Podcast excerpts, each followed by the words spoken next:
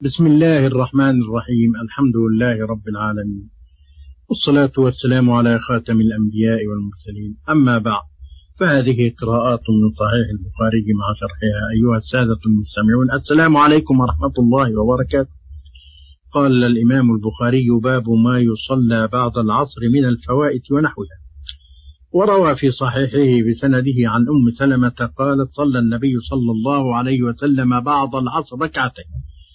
وقال شغلني ناس من عبد القيس عن الركعتين بعد الظهر وروى في صحيحه بسنده عن عائشة قالت والذي ذهب به ما تركهما حتى لقي الله وما لقي الله تعالى حتى ثقل عن الصلاة وكان يصلي كثيرا من صلاته قاعدا يعني الركعتين بعد العصر وكان النبي صلى الله عليه وسلم يصليهما ولا يصليهما في المسجد مخافة أن يثقل على أمته وكان يحب ما يخفف عنه.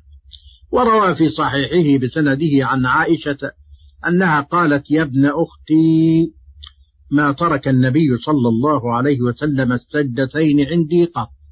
وروى في صحيحه بسنده عن عائشة قالت ركعتان لم يكن رسول الله صلى الله عليه وسلم يدعهما سرا ولا علانية ركعتان قبل صلاة الصبح وركعتان العصر. وروى في صحيحه بسنده عن عائشة قالت ما كان النبي صلى الله عليه وسلم يأتيني في يوم بعد العصر إلا صلى ركعتين. أقول وبالله التوفيق قول البخاري باب ما يصلى بعد العصر من الفوائد ونحوها.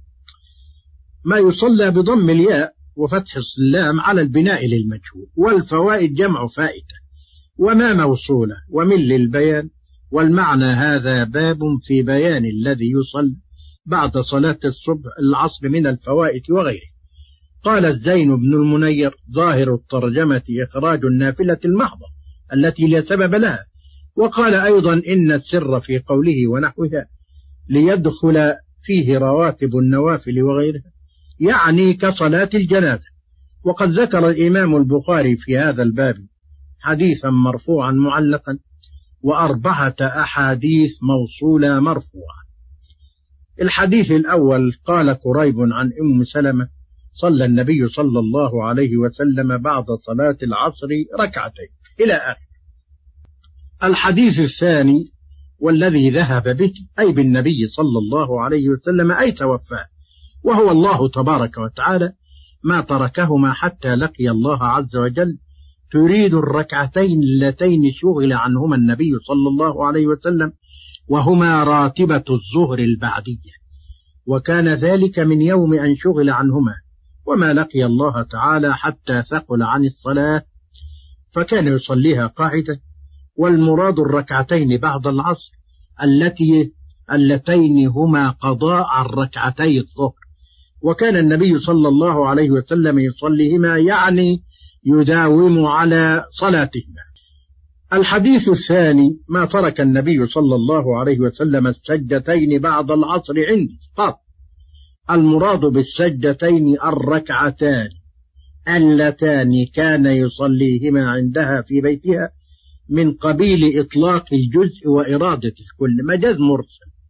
قط ظرف لاستغراق الزمن الماضي الحديث الثالث قول عائشة ركعتان لم يكن رسول الله صلى الله عليه وسلم يدعهما سرا ولا علانية ركعتان أي صلاتان لأنها فسرتهما بأربع ركعات وهو من باب إطلاق الجزء وإرادة الكل أو من باب الإضمار أي وكذا ركعتان بعد العصر وهذا وعلى هذا يكون الركعتان تكون الركعتان مرادا بهما المعنى الحقيقي لا المعنى المجازي ثم بينت السيدة عائشة ذلك فقالت ركعتان قبل صلاة الصبح وركعتان بعد العصر. الحديث الرابع وهو ما رواه وهو ما روي عنها رضي الله تعالى عنها قالت ما كان النبي صلى الله عليه وسلم يأتيني في يوم بعد العصر إلا صلى ركعتين يعني بعد الإتيان في البيت وهو استثناء مفرغ. أي ما كان يأتيني بوجه أو بحالة إلا بهذا الوجه أو هذه. وقد تمسك بهذه الروايات الأربع من أجاز التنفل بعد العصر مطلقا ما لم يقصد الصلاة عند غروب الشمس. وقد تقدم نقل المذاهب في هذا. وأجاب عنه من أطلق الكراهة بأن, بأن فعله هذا يدل على جواز استدراك ما فات من الرواتب من غير كراهة. وأما النوافل المطلقة فلا. وأما مواظبته صلى الله عليه وسلم على ذلك فهو من خصائصه من خصائصه صلى الله عليه وسلم. والدليل عليه رواية ذكوان مولى السيدة عائشة أنه صلى الله عليه وسلم كان يصلي بعد العصر وينهى عنهما. ويواصل وينهى عن الوصال رواه أبو داود. وفي رواية أبي سلمة بن عبد الرحمن عن عائشة في نحو هذه القصة وفي آخره وكان إذا صلى صلاة أثبتها رواه مسلم. وأما ما روي عن زكوان عن أم سلمة في هذه القصة أنها قالت فقلت يا رسول الله أنقضيهما إذا فاتتا؟ فقال لا.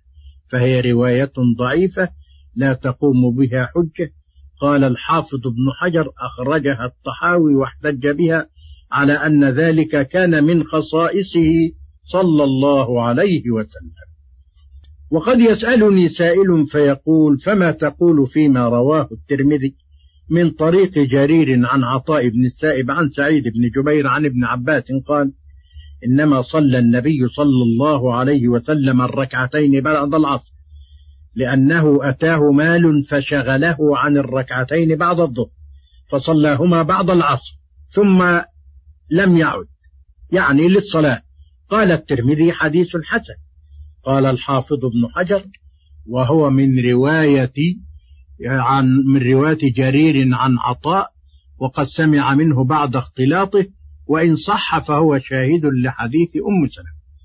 وكذا ولكن ظاهر قوله ثم لم يعد معارض لحديث عائشة المذكور في هذا الباب. فيحمل النفي على علم الراوي. فإن لم فإنه لم يطلع على ذلك. ولكن القاعدة أن المثبت مقدم على الباقي. وكذلك ما رواه النسائي عن أم سلمة أن رسول الله صلى الله عليه وسلم صلى في بيتها بعد العصر ركعتين مرة واحدة. الحديث وفي رواية عنها لم أره يصليهما قبل ولا بعد. فيجمع بين الحديثين بأنه صلى الله عليه وسلم لم يكن يصليهما إلا في بيت عائشة رضي الله عنها. والظاهر أن رسول الله صلى الله عليه وسلم وقد كان يطوف على بيوت نسائه كل يوم بعد العصر أنه كان يبدأ ببيت عائشة. ولذلك لم يره ابن عباس ولا أم سلمة ولا أم سلمة. ويشير إلى ذلك قول عائشة وكان لا يصليهما في المسجد مخافة أن يثقل على أمته. وإلى شرح القراءة التالية غدا إن شاء الله والسلام عليكم.